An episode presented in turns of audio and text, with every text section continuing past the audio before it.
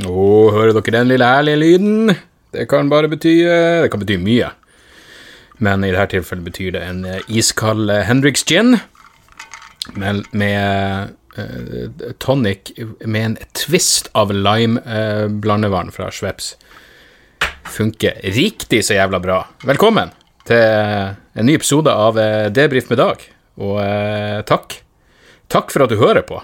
hvis jeg høres litt litt gråtkvalt ut akkurat nå, så er det fordi ja, jeg har vel grått i tolv minutter i strekk etter å ha lest eh, et innlegg på Aftenposten sin Si det-seksjon, som heter Hipp hipp hurra, en fest jeg ikke er invitert til, av Amalie Holm.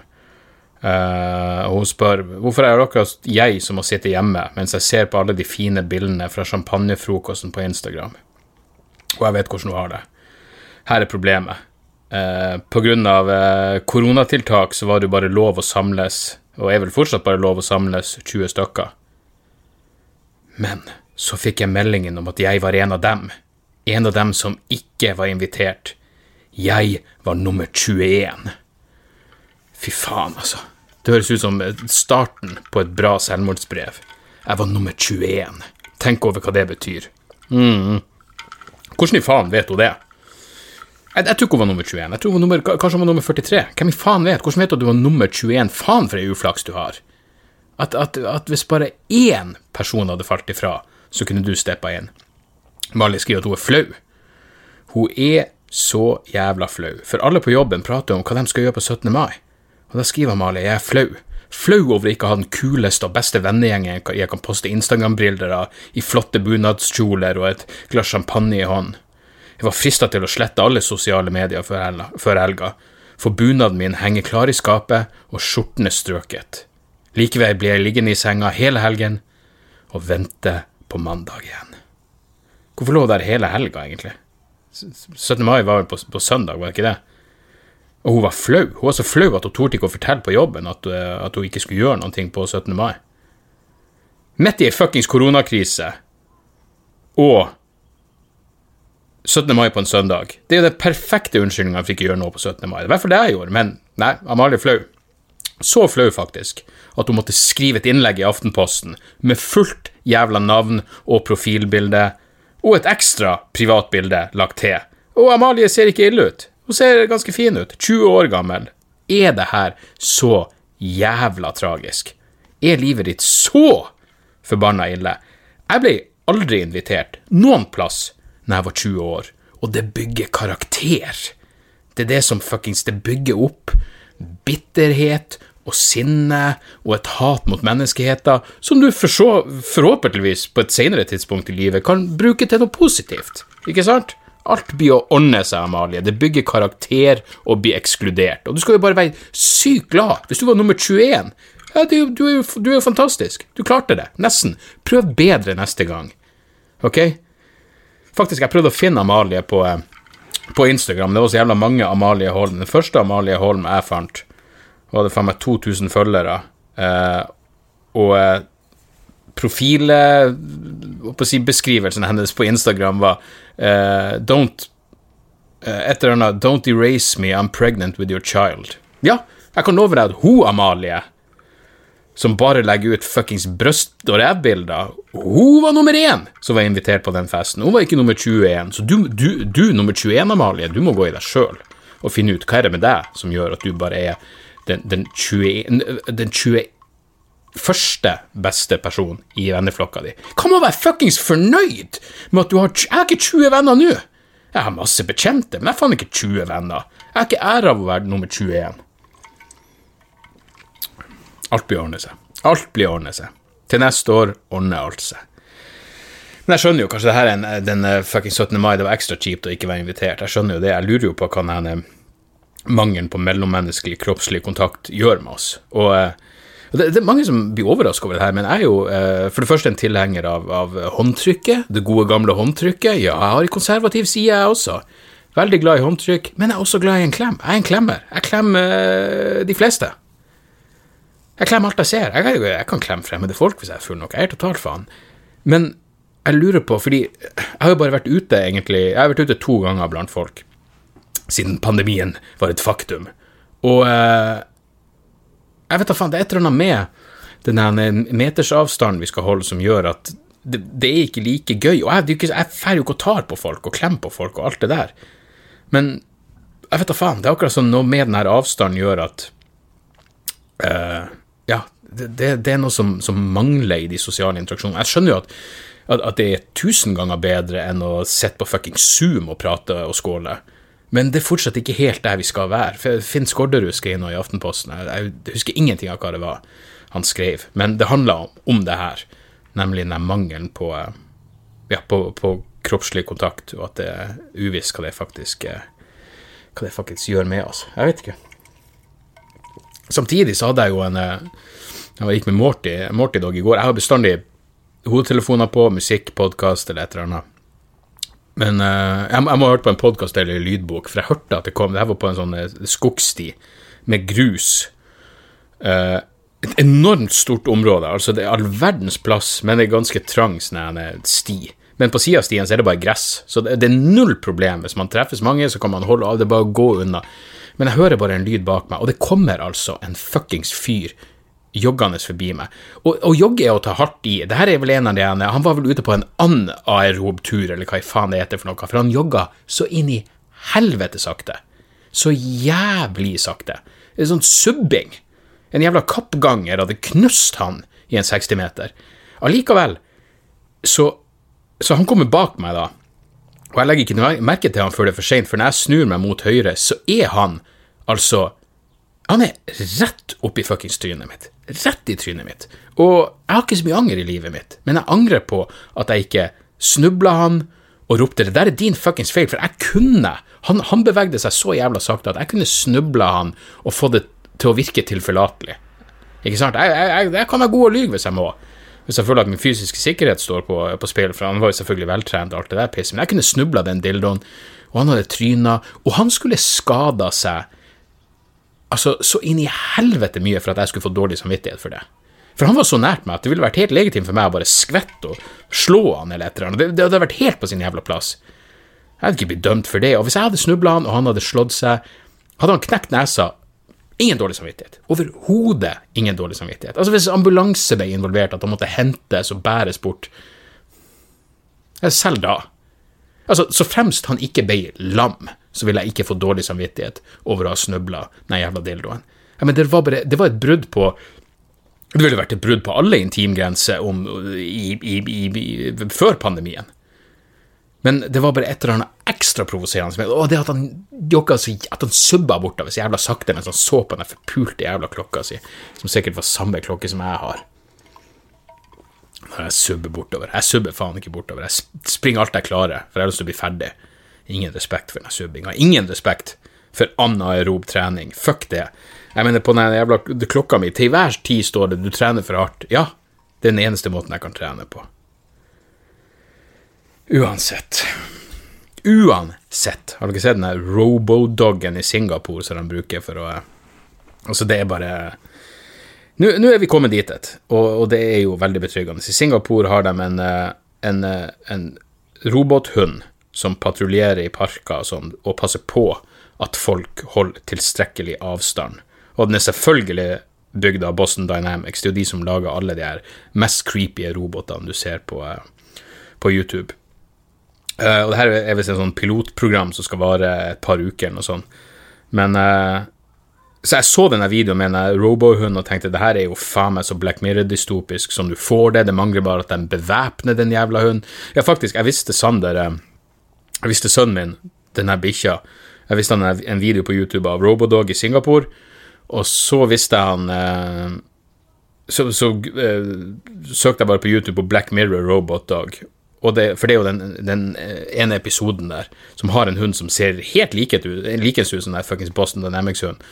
Og, eh, og det var bare et, et klepp fra episoden. Så jeg starter det, og Sander ser på den bikkja, den ligger bak i en bil, og så så sier bare Sander sånn Hva som er så skummelt med den der? Plutselig røyser hun seg, går bort og blåser ut hjernen på han som kjørte bilen. Og da sa bare Sander Ah, ok, jeg skjønner. Mm. Men hadde jeg hatt den jævla Boston Dynamics-bikkja bevæpna, og den blåste ut hjernen på den fuckings joggedildoen Jeg, jeg ville blitt Jeg ville blitt glad mellom oss. Ja, det, ville, det, ville vært, eh, det, ville vært, eh, det ville vært en rar situasjon, for på den ene sida ville jeg vært lei meg for at et annet menneske er død, og det er ikke som at jeg syns det han gjorde, fortjente dødsstraff. På den andre sida så ville det vært eh, en helt sinnssyk opplevelse. Jeg vet at jeg kunne fått sikkert fire-fem minutter ny standup ut av det. Jeg tror nesten jeg måtte ha, vite noe om hans uh, familiesituasjon. Liksom. Hvis han var enslig og ikke hadde noe særlig med familie Hvis han bare hadde liksom, Den eneste han hadde, var, var ei søster han ikke så noe til fordi ja, de mista kontakten allerede tidlig i 20-årene, og nå er han 45, og han er for sær for å få seg en partner. Den eneste han egentlig Han har et par venner, men den eneste som egentlig lever i familien hans utenom søstera som ikke bryr seg om han, er hans 85 år gamle mor, og hun bor på et allerede koronainfisert gamlehjem, så hun har ikke så lenge igjen, og det er ikke som han besøker henne så ofte heller. Hvis jeg visste det, og så fikk han blåst ut hjernen sin akkurat idet han gikk forbi meg, jeg, jeg, og jeg, absolutt, jeg vet hva dere tenker. Jeg ville takla tanken på litt, på litt eh, hjernemasse, litt hjernebark, eh, i mitt eget hår. Jeg kunne godt stått og, og vaska det bort etterpå. Jeg ville tenkt faen, for en fucking sprø situasjon. Sprø situasjon. Men han fikk som fortjent. Han var for nært. Han var for nært. Det er det enda mer ydmykende å bli tatt ut av en fuckings robothund som bare går på bakken, enn det å bli tatt ut av ei drone. Det er mer mandig å bli tatt ut av ei drone, er det ikke det? bevæpna drone som bare flyr over deg og slipper jævla Ja, nei. Gudene vet. Og jeg kødder selvfølgelig. Jeg ville selvfølgelig ikke at han skulle dø. Døden er trist. Uh, når det skjer med I hvert fall når det skjer med, med mennesker som, uh, som ikke jogger for tett på folk. Og Jeg vet ikke om dere har hørt siste episoden av eh, WTF med Mark Maron, men eh, der prata han jo om at han mista eh, Dama hans døde på torsdag. Torsdag eller fredag, og han gjør da en podkast på mandag hvor han publiserer intervjuet han gjorde med henne for fem år siden. Jeg, lurer på om det var første gang de traff hverandre, men han har en introduksjon som er så jævla Ja, den er bare rå på sånn ja, grunnleggende mellommenneskelig plan. Han, han gråter, og det, ja, det er umulig å ikke bli uh, Jeg vet ikke, jeg, hadde ikke hørt det intervjuet når det først gikk, og jeg hadde ikke noe forhold til hun, hun, dama hans, men eh, eh, Lynn Shelton. Men jeg hadde akkurat lagt inn den nye serien hennes som heter um, Little Fires Everywhere, med Reece Witherspoon, for at jeg skulle begynne å se den på på, på, HBO Nordic, og jeg lurer på om det Ja, jeg tror Lynn Shelton hadde regi på den. Men det gjorde i hvert fall at jeg måtte høre hele intervjuet, og, og det var jo det, det, er alltid rart, liksom, når du hører noen som åpenbart er en så eh, livlig og fin person, og så så vet du at de fuckings vandrer altfor ung. Og så kommer Mark Mann inn på slutten av etter det intervjuet igjen og sier noen flere ord, og det er sånn wow. Men igjen, det, det, det, på en måte så var det liksom Det var det eneste Han sier på et eller annet tidspunkt i introduksjonen, fordi den, i WTF ser er jo en fast greie at når noen dør, så publiserer de episoden Eh, på nytt, Hvis han har intervjua noen som dør, så publiserer de episoden på nytt igjen. Og, hvor det er en sånn remembering. Eh, hvem enn det skulle være, John Prine eller ja, hvem enn. Eh, og så sier McMahon 'This is what we do here'. Og, og, det er jo sant, det er det han gjør. Med, så, men allikevel så er det ah. Men det er jo sånne ting som blir Jeg mener, jeg skjønner at, at det ikke er for alle å høre på noe sånt. Eh, noe så jævla hjerterått. Noen som, som gråter over at eh, faktisk dama deres døde for to dager siden. Eh, det er virkelig nervene på utsida. Men, uh, men det er jo samtidig det som ja, som gjør det podkastgreiene til en så jævla Det har vært vanskelig å se for seg at det hadde blitt akseptert i et, i et radioprogram. Hvis du hadde fuckings P3-morgen, og så daua dama di på torsdag, så kommer du på jobb på mandag. Ja, beklager det. Det er noe, det er noe utskrift i bakgrunnen. Nei, det, dama mi hun sitter bare nede og skriver ut nå, uten noe fuckings forståelse for at jeg prater om noe Ja. Ja, Men du, du kunne ikke komme på jobb på P3-morgen og bare begynt å prate om at du mista livspartneren din for to dager siden og sitter og gråte. Eller kanskje du kunne, jeg vet ikke, det er nye tider. men... Eh, det er i hvert fall en, en, eh, en utrolig trist og en, eh, og en, eh, og en fin eh, Ja, jævlig fin eh, episode. Men jeg innså også at ting kan bli for, for Jeg begynte å se på Eller jeg og fruen begynte å se I Know This Much Is True på HBO. Også på HBO Nordic. som, som er Ja, for det første Faen, jeg husker ikke hva han skuespilleren heter for noe. Men jeg har sett han i en masse ting. Han er, han er dritflink, og han spiller to roller. Han spiller seg sjøl Altså, han spiller et tvillingbrødrepar. Eh, Mark Ruffalo. Hva faen er han er mest kjent for? Han er sånn som du bare har sett overalt. Og så er det sånn Hva faen? Hvorfor? Ja, han er selvfølgelig Avengers. Captain Marvel ja, Det er jo ikke akkurat der. Det er jo ikke min type filmer. Jeg har vel kanskje sett dem. Now You See Me Uansett, han, han spiller både seg sjøl og broren sin og spiller jævlig bra, men vi, det, det, var bare en Nå er det vel to episoder ute, vi så den første. Og det var altså så tungt, det var så jævla deprimerende. Uh, det minner meg om den der Jim Carrey-serien som jeg aldri klarte å komme inn i, som også kom ut for ikke så lenge siden. Som bare var sånn Ok, jeg skjønner at det her er, bra, men faen, altså. Det, det, er litt for tungt. Selv for meg akkurat nå, så er det her for tungt. Uh, det som derimot ikke er for tungt, er jo uh, det som virkelig gjør livet verdt å leve, er jo eh, Jeg tok og det her var vel en annen Ja, det var en uh, Martin Hansen, Jesus-influenser, hadde en greie også i Aftenposten. Uh, den heter 'Jeg bruker TikTok til å få unge til å be'. Hvorfor møter jeg så mye hat? Uh, og så la jeg det ut på Instagrammen, og hva jeg skrev, at han måtte heve seg over sitt digitale messiaskompleks og snu det andre TikTok-kinnet til. Hva ville TikTok-Jesus gjort? Ikke sant? Det er jo det store spørsmålet. Men jeg er jo ikke på TikTok uh, fordi jeg er ikke pedofil. Jeg, jeg er ikke tiltrukket uh, av barn, så derfor er jeg ikke jeg på TikTok. Men Jan Tore begynte jo å sende meg TikTok-videoer av Martin, og det er jo faen meg noe av det mest fantastiske faenskapet jeg har sett. Jeg ble helt hekta. Jeg syns det var helt fantastisk og, og, og, og, catchy også. Og så skjønner jeg at det er jo en hel å si subreddit, det, er jo en hel, det er jo en egen sjanger med de kristne jævlene på, um, på, TikTok. Og skal vi se, det var ei anna For plutselig begynner Jan Tore å sende meg altså, Skal vi få til å spille det så det hører seg? Sara og Jesus er ei anna. Bare hør på hvor catchy det her er. Og så må du jo også tenke på at hun fuckings Hun danser, hun mimer til det her. Men bare hør på det her. Hvis ikke du blir hekta Altså, jeg, jeg, det er 17. gangen jeg hører på den her. Jeg er kristen. Leser Bibelen jeg ber. Går i kirka, hører på lovsang. Ja, jeg er kristen. En såkalt kristen.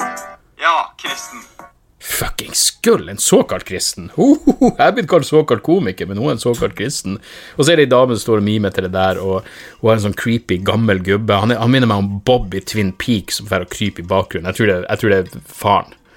Eh, og det er jo ikke creepy i det hele tatt. Men ja, nei, det, det er fantastisk, altså. Eh, kristne på TikTok er virkelig uh, Ja, den, beste bruken av digitale medium jeg noen gang har og så er det mitt liv. Uh, så bør jeg vel også adressere nei, jeg vet da faen hvor mange som sendte meg det her. Jeg har aldri vært utsatt for ganning, for jeg er ikke noe fucking same. Hvorfor tror dere at jeg har noe, har noe fuckings Jeg har ingenting med sam, samisk kultur Ja, dama var jo same, men så slutta hun. Uh, og jeg, jeg, sier ikke det som om samisk kultur er noe negativt, på ingen måte, men jeg har ingenting med gan, ganning er lenger nord uh, uh, enn en Narvik.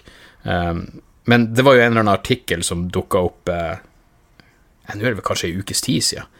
Eh, hvor hun hadde en eller annen dame på ja, like gammel som meg sto frem og klaga på at hun, ble, hun, var redd for å snakke om ganning når hun gikk til psykiateren. Og det er sånn, ok, hvis, hvis du hvis du tar ganning seriøst, så, så, burde du vel muligens gå til en psykiater. Jeg, og jeg mener ikke det på en flåsete måte. Jeg mener kanskje du har noe problem med hun dama sa hun ble ikke forstått, og hun ble sint, og sykepleieren oppførte seg som en bed...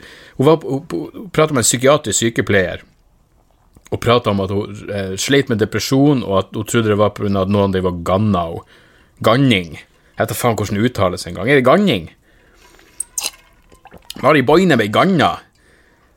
Eh, og så sier hun at sykepleieren eh, opptrådte som en bedreviter, og det er sånn, ok, for det første, jeg vil tro at sykepleieren visste bedre i akkurat det her tilfellet, men det, det er jo Altså, selvfølgelig uakseptabelt hvis en sykepleier driver og insinuerer at noen er stokk dum bare fordi de legger fra de, de har jo et psykisk problem, ikke sant, så, så, så det, det er jo uproft. Så det at hun, hun eh, June her, tror jeg hun heter, at hun klager etter eh, den her eh, Hvis June ble, ble Hva er ordet? Hvis, hvis eh, den psykiatriske sykepleieren gjorde at June følte seg dum, så er det bra at hun sendte inn en klage, for det er ikke på sin plass. Men så sier hun også at hun, eh, hun kom seg inn på et samisk eh, nasjonalt kompetansesenter for psykisk helsevern fordi eh, i det norske systemet så er det ingen som forstår ganning, og kun samer forstår ganning. Og igjen, beklager hvis det uttales ganning. Jeg vet ikke.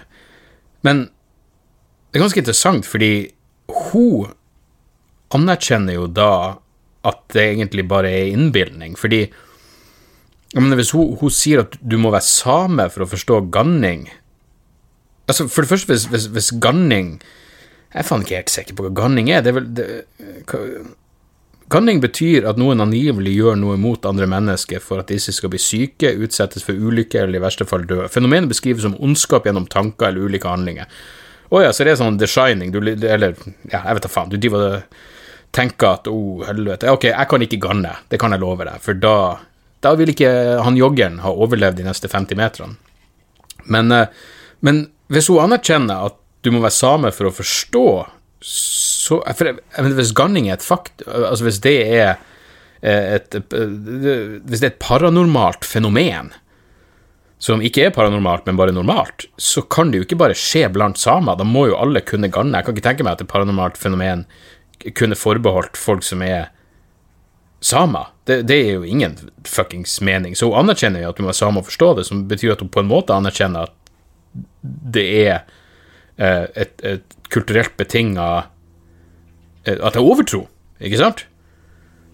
Eh, så, men for all del jeg, er, Poenget mitt var bare at jeg, jeg syns det er bra at det finnes et eget eh, eh, psykisk helsevern som, som eh, tar utgangspunkt i den kulturelle bagasjen som, eh, som noen har med seg. For hun, hun har jo egentlig helt rett.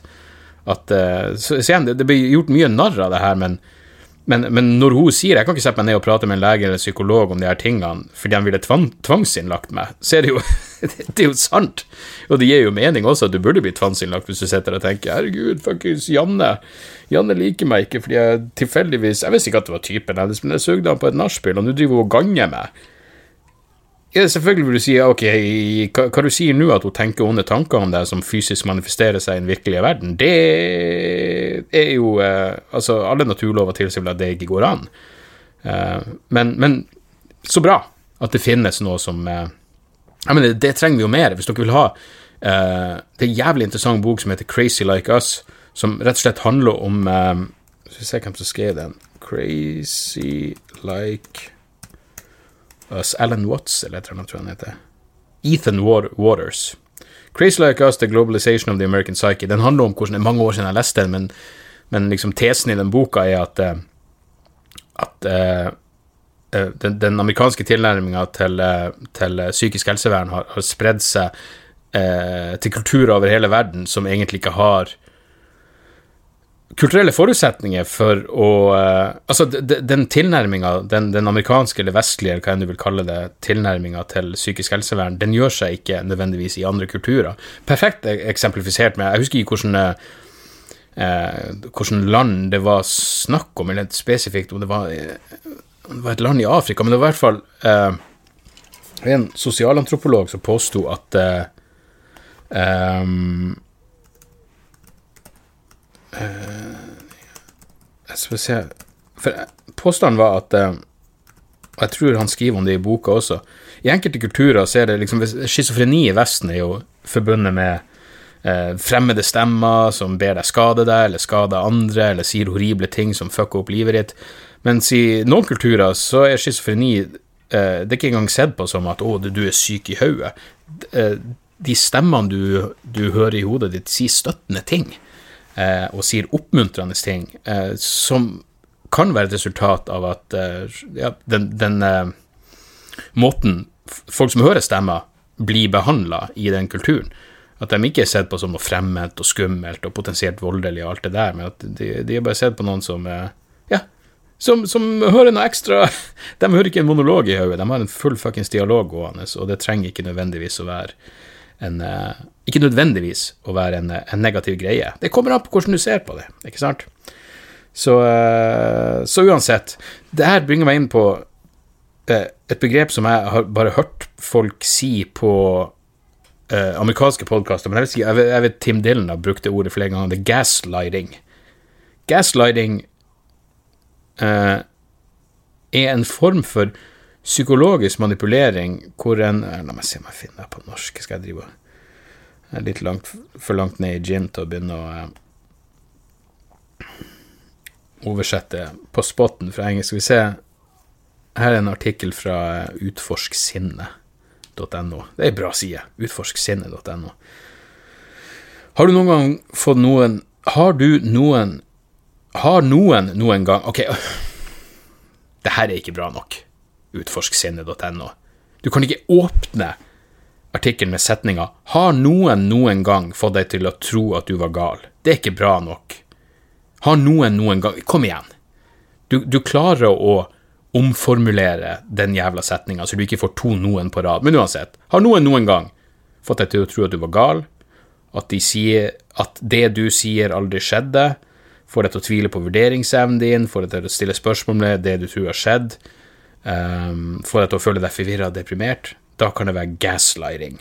Den mest subtile og etsende formen for mishandling. Um, Begrepet gaslighting er ikke tilfeldig. Det kommer fra en film kalt Gasslys, der hovedpersonen får kona til å tro at hun blir gal og bør se en psykolog. Hans manipulering har til hensikt å stjele hennes formue. Ja, så er det egentlig det uh, hun uh, Ganning-dama følte at hun opplevde. At hun kommer og sier 'hei, jeg blir ganna'. Blir ganna ut av helvete. Det er for mye ganning i monitor.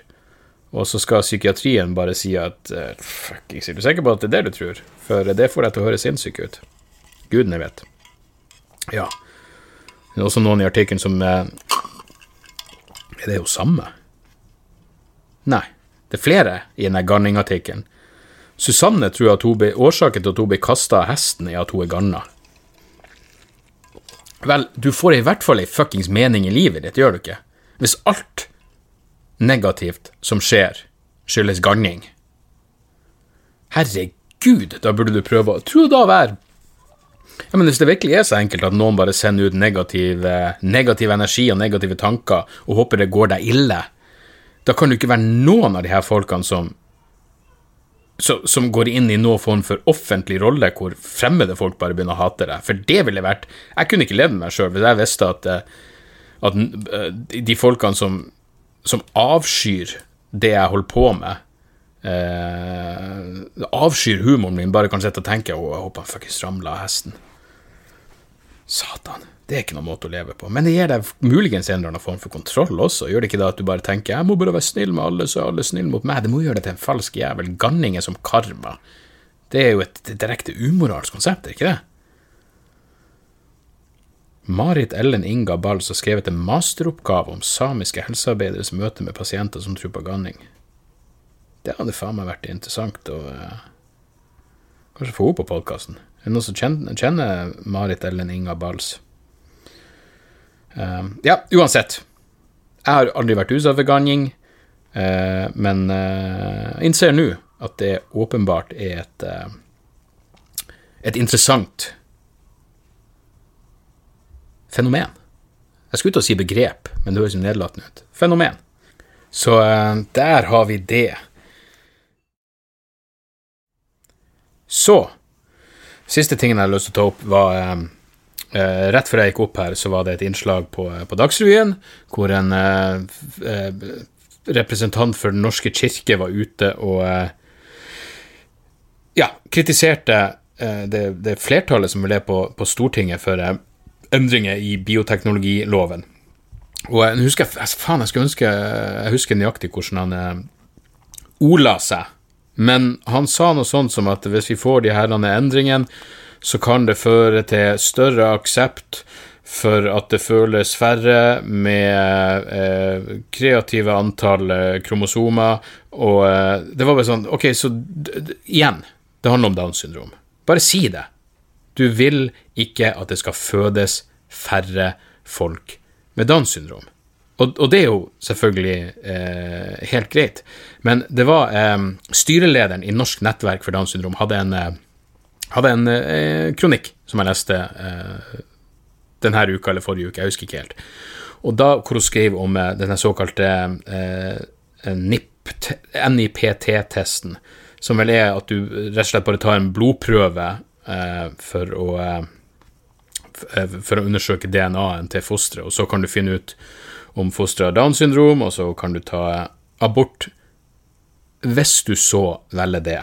Men denne styrelederen hun skriver at vi tar nå grep som rammer en allerede diskriminert minoritet. Og for det første, jeg burde, jeg burde, ikke si så mye om det her, fordi eh, hvis det noen gang blir live standup igjen, og hvis jeg noen gang får turnert det jævla nye showet mitt, så, så, kommer jeg til å prate om akkurat denne ideen om at de med Downs syndrom er diskriminert, fordi jeg skjønner ikke helt hva det betyr. På hvilken måte er de diskriminert? Vi, vi er da kommet så langt i vår jævla moralske evolusjon at, at ingen, ingen diskriminerer de med Downs syndrom. Vi er heldigvis kommet oss videre fra, fra den tida hvor eh, meg, folk, hvis de hadde en mentalt tilbakestående unge, så låste de den ned i kjelleren. Det, det, det, er ikke så jævla lenge siden, men, men, men vi er heldigvis kommet oss videre fra det. Men hun skriver også det er forståelig at mange med Downs syndrom føler seg jakta på. Ingen fuckings jakter på dem. Jeg mener, Dette er noe jeg har sagt før, men det, det, er ingen som bestemmer seg for å ta Det er ingen som finner ut at, at fosteret de er gravid med, har Downs syndrom og tar abort, som har lyst til å jakte ned de som allerede lever med Downs syndrom. Det er som om en med Downs syndrom kom inn under en, under ei abortering av et foster med Downs, og spør pasienten som ligger og får utskrapinga, hvorfor hater du meg? Da vil hun si, hvem i faen er du? Ivar? Ok, det her er ingenting med deg å gjøre, Ivar. Vennligst, kom deg ut herifra. Altså, og så skriver hun Hva om noen aborterer fordi gentesten viser at ungen vil få rødt hår? Vel, hvis noen finner ut at ungen deres vil få rødt hår, og tar en abort av den grunn, er ikke det for det beste? Vil du at de folkene skal formere seg? Er ikke en abort å foretrekke for absolutt alle involverte? inkludert den lille rødhåra skøyeren. Ikke sant? Du, hvis du tar abort på det grunnlaget, så er du et grusomt menneske. Du burde ikke ha noe, noe unger. Og vi tar nå grep som rammer en allerede diskriminert minoritet. Hvordan, på hvilken måte er de diskriminert? Hvor sosialt akseptabelt er det virkelig å diskriminere mot noen med Downs? Hvem ser ikke på deg som et moralsk monster om du gjør noe sånt? Og med rette. Og ja, det her kan føre til at vi ender opp denne endringa i bioteknologiloven og innføringa av denne eh, eh NIPT-testen, som står for eh, Faen, er det non-invasive eh, ah, Skal vi se her Non-invasive prenatal testing. Eh, ja. Faen, det første, når du googler NIPT, så er det første som kommer opp fra ei svensk side. NIPT, enkelt og snabbt Se, svenskene får det til å høres så hyggelig ut. Enkelt og snapt, ikke begynn å prate om fuckings kromosomfeil og sorteringssamfunn. Det er enkelt og snapt. Enkelt og snapt, non-invasive prenatal testing, hvor ille kan det være? Det kan føre til at vi ender opp i en situasjon hvor færre i samfunnet har Downs syndrom. Men igjen, de som er bekymra for at vi skal få færre unger med Downs syndrom, hvor mange mener dere vi må ha med Downs syndrom i samfunnet til enhver tid før kriteriene for et såkalt mangfoldig samfunn er oppfylt? Ja, men det her er det som provoserer meg. Det er denne ideen om at å, de er sånn krydder, så vi, ja, vi må krydre samfunnet litt. Ja, er du der for å ta deg av dem? Og hun skriver videre barn med Downs syndrom er akkurat like mye verdt som andre barn. Hei, ingen motargument her. De er like mye verdt som andre barn er 100% enig. Men så avslutter med å skrive de vokser opp til å bli flotte ungdommer og voksne, ofte med Facebook-kontoer og smarttelefoner. Vi ber alle debattanter ha dette i mente. oh, det hadde jeg ikke tenkt på. er de med Downs syndrom på Facebook? Her satt du kanskje og tenkte at du ikke har ressurser, og eller eh, kanskje du ikke er tilstrekkelig selvoppofrende nok til å oppdra et barn med så spesielle behov. Men da har du ikke tenkt på at dette barnet kanskje vil få en Facebook-konto. Tilbake i tenkeboksen med deg, din lille egoist. Åh, la oss eh, avslutningsvis sende ut eh, noen tanker til de, eh, de interseksuelle, som visstnok, eh, ifølge FNs generalsekretær Antonio Guterres, eh, de er mer sårbare under koronapandemien. Ja, FNs generalsekretær advarer om at lesbiske, homofile, biseksuelle, transpersoner og interseksuelle er mer sårbare under koronaepidemien. Jeg, jeg, trodde det var de som hadde en underliggende sykdom. Er vi tilbake der nå, hvor homofili er en sykdom og interseksualitet er en sykdom? Så, er det ikke gamle folk som er de mest sårbare under denne pandemien? Og er det ikke da rivende jævla likegyldig om gamle tante Astrid på 95 er bi, hetero, homo eller interseksuell. Å, gud, jeg googler interseksuell nå, jeg er så glad jeg har en VPN. Uh, eh, interseksualitet, eller intersex, er en medisinsk tilstand som består i at en individ av en organisme Interseksualitet eller intersex er en medisinsk tilstand som består i at et individ av en organisme som ikke naturlig er tvekjønnet, blir født med trekk som gjør at det er vanskelig å bestemme individets kjønn. Ok, det er det som er interseksualitet. Men det er jo ikke Det er jo ikke legning, da. Er ikke de andre tingene i legning? Biseksuell trans, Nei, nei, transpersoner. Det er jo ikke legning. Interseksuelle. Ja, jeg vet ikke. Vel, hvis du er interseksuell og lider ekstra under pandemien, så syns jeg det er trist å høre. Uh, men jeg håper i det minste du er ung og ikke har høyt blodtrykk eller mangler ei nyre, for da tror jeg virkelig du lider under pandemien.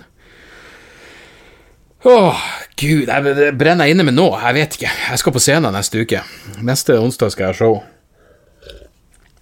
På en uh, eh, klubb i Oslo. Jeg vil ikke engang si hvor, for eh, oh, jeg kommer til å være rusten.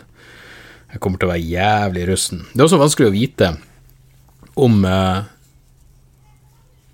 Ja, akkurat det pandemipisset er sånn Fuckings, det, det er rart å ikke nevne det, og samtidig er det liksom Er det det, er det, det siste folk vil høre om? Jeg kunne vet. Oh, jeg har egentlig aldri lagt særlig stor vekt på hva jeg tror folk vil høre om, så det er vel ingen grunn til å begynne med det akkurat nå. Men eh, det skal bli godt å Jeg vet ikke engang om det vil gjelde som å komme i gang igjen, men det skal i hvert fall bli godt å komme, scenen, komme seg på scenen igjen. Og så, uh, så er det et eller annet å jobbe mot. Jeg må skrive noen vitser. Skriv noen vitser. Vi, uh, vi tar noen tips helt på slutten her. Et filmtips og et musikktips. Filmen er Sorry We Missed You av, eh, av eh, Ken Loach, som jeg først oppdaga med uh, den forrige filmen hans, som heter I, Daniel Blake. Som var en jævlig bra film om en, en middelaldrende mann som får Ja, han fikk vel hjertefeil, og så, og så handler det om hans kamp mot, mot byråkratiet for å få, for å få den hjelpa han har opparbeida seg rett til. Eh, men uh, 'Sorry We Missed You' uh, det er jo det er liksom sånn brutal britisk uh, sosialrealisme. Det handler om en Ricky og familien hans som, som virker som bra folk. Det er far og mor og, og to barn, og de sliter økonomisk. Bakteppet er vel finanskrisa i 2008.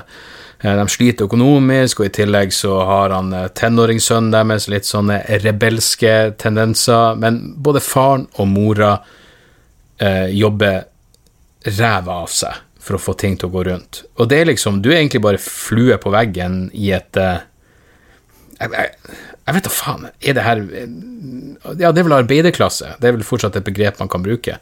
Du er ei flue på veggen i, eh, i livet til en arbeiderklassefamilie, og eh, ja Altså, den er virkelig verdt å se, og du, du får en sånn Når folk prater om at eh, Eh, eh, fattigdom og, og, økonomisk stress eh, er helseskadelig, så skjønner du vir virkelig hvorfor når du ser denne filmen. Så, eh, så den kan anbefales på det varmeste. Eh, og når jeg og fruen hadde sett den ferdig, så, eh, så var det sånn Skal vi se en film til?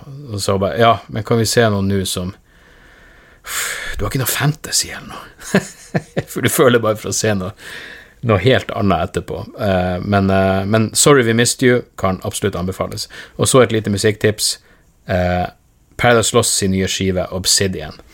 Altså, Paradise Lost er et band som jeg har vært en fan av siden 1992, og jeg tør ikke engang å begynne å regne på hvor lenge det er siden. Men i 1992 så var jeg begynt å bli metal-fan, og Headbangers Ball var et sånt program på MTV.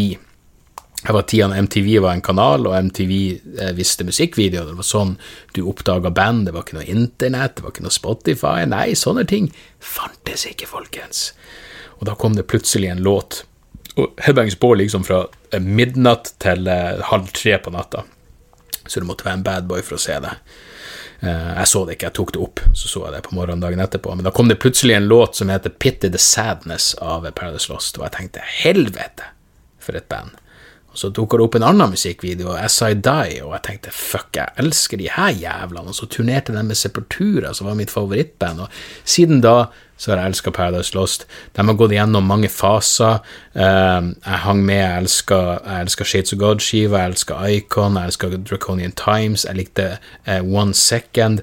Altså, da jeg hadde kjærlighetssorg Nå skal jeg faen meg slå, for jeg husker ikke i hodet hva den heter.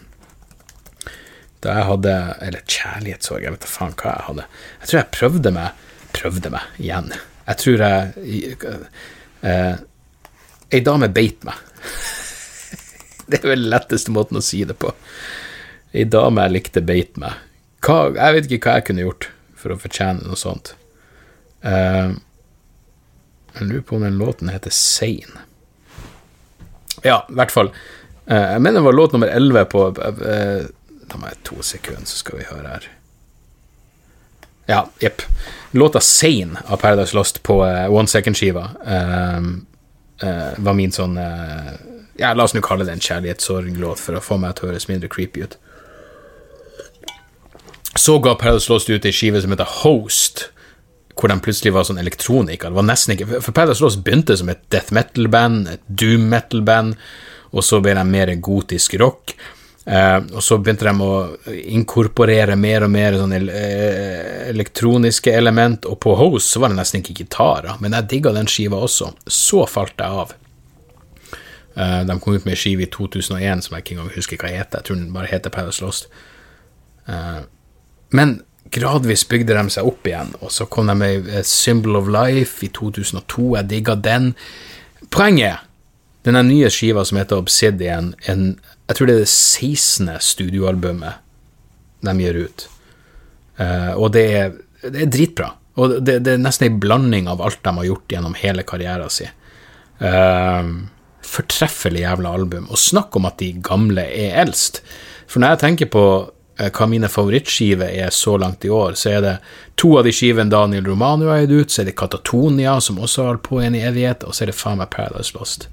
Uh, Obsidian av Paradise Lost. Jeg tror det her er sånn som kan appellere til folk som ikke nødvendigvis liker tung musikk, fordi uh, Nick Holmes, han vokalisten, han er faen meg han gjør en, Tidvis gjør han en bedre James Hetfield enn James Hetfield sjøl gjør.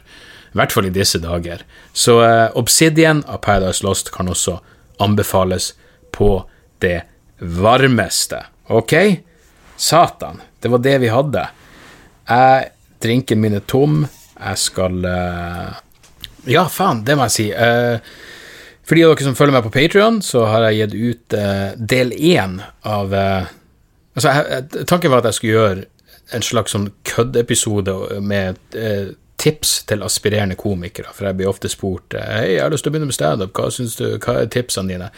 Så jeg skulle gjøre en køddeepisode om det, men det endte opp med at jeg bare begynte å prate om hvordan jeg begynte med standup, og når jeg omsider kom til første gang jeg sto på scenen, så innså jeg jeg faen prata i 50 minutter, så uh, det er del én. Jeg har allerede spilt inn del to. Um, men det blir tre deler tydeligvis. Og det blir egentlig en slags gjennomgang av ja, hvordan jeg begynte med standup, og et par historier om det. Eh, men for å høre de episodene, så må dere støtte meg på patrion.com slash dagsorda, så jeg vet at alle ikke kan gjøre det. Jeg vet at alle ikke har interesse av å gjøre det, men til de av dere som gjør det, så vil jeg bare si hjertelig fuckings takk som faen. Det setter jeg ekstremt stor pris på. Det betyr mye at folk eh, støtter ting de liker. Nå skal jeg faktisk eh, se den nye Doug Stanhope-specialen som Netflix ikke ville ha, som ingen ville ha, så han måtte også gi den ut sjøl på Vimeo. Eh, og jeg gleder meg som faen til å se den. Um, da jeg så han i Amsterdam, så hadde han blant annet en fantastisk greie om uh, Indian gang rape, som jeg regner med er med i denne specialen. Så uh, sjekk ut den. Støtt opp om god fuckings humor. Uh, den heter uh, The Dying of a Last Breed og er akkurat kommet ut, og dere finner den på Vimeo. Uh, uansett, jeg elsker dere alle. Vi snakkes snart. Tjo og hei. Moderne media. Er det reklametid, og ukens annonsør er fiken. Hør her, jeg, jeg, jeg avskyr ordet regnskap. Ordet regnskap eh, gir meg assosiasjoner som er uhyggelige. Det får meg til å tenke på andre uhyggelige ord som ettersyn og underlivsundersøkelse. Men regnskap er et nødvendig onde, og fiken er et så enkelt regnskapsprogram at selv jeg kan klare å ha kontroll på finansene hvis jeg bruker det. Eh, du kan registrere kjøpene dine bare med å ta et bilde av kvitteringa med appen, og så kan du bare hive, hive kvitteringen. Hvor nydelig kan det bli? Og Fiken forholder seg også til regnskap med overkommelige ord. Det er ikke masse overkomplisert økonomisk terminologi. De kaller det kjøp og salg i stedet for hva enn de kaller det på BI.